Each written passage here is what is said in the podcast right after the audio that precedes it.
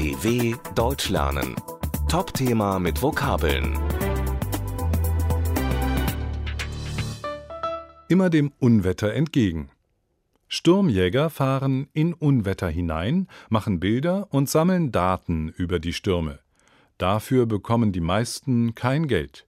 Die Daten können anderen Menschen das Leben retten, allerdings ist das Hobby sehr gefährlich. Sven Lüke ist Sturmjäger. Wann immer in Deutschland ein schweres Gewitter, ein Tornado oder ein Hagelsturm aufzieht, fährt der 37-Jährige dorthin. Er ist dabei nur mit wenigen technischen Geräten ausgestattet. Ein GPS-Gerät, ein Tablet und ein Handy reichen für seine Forschung aus. Er beobachtet das Donnern und Blitzen und macht Fotos und Videos. Ihn fasziniert die Schönheit solcher Naturgewalten. Seine Daten schickt Lüke dann an Wetterdienste wie den Deutschen Wetterdienst DWD und an die Unwetterzentralen.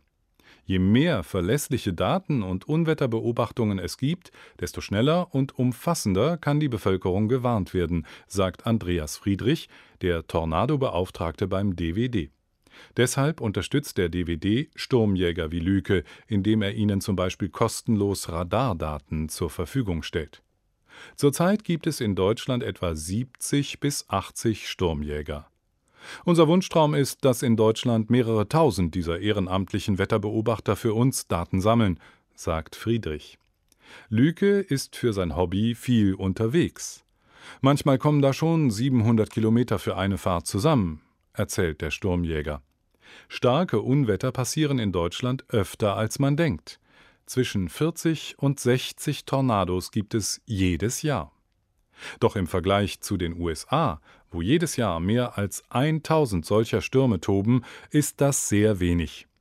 Dort gibt es einige Zehntausend Sturmjäger. Sie sind so wichtig, dass manche Gemeinden und Behörden sie für ihre Beobachtungen bezahlen. Laut Friedrich ist durch diese Untersuchungen die Zahl der Tornadoopfer deutlich gesunken. Allerdings ist es ein sehr gefährliches Hobby. Im Juli 2013 kamen in den USA mehrere Sturmjäger bei einem Tornado ums Leben. DW Deutsch lernen.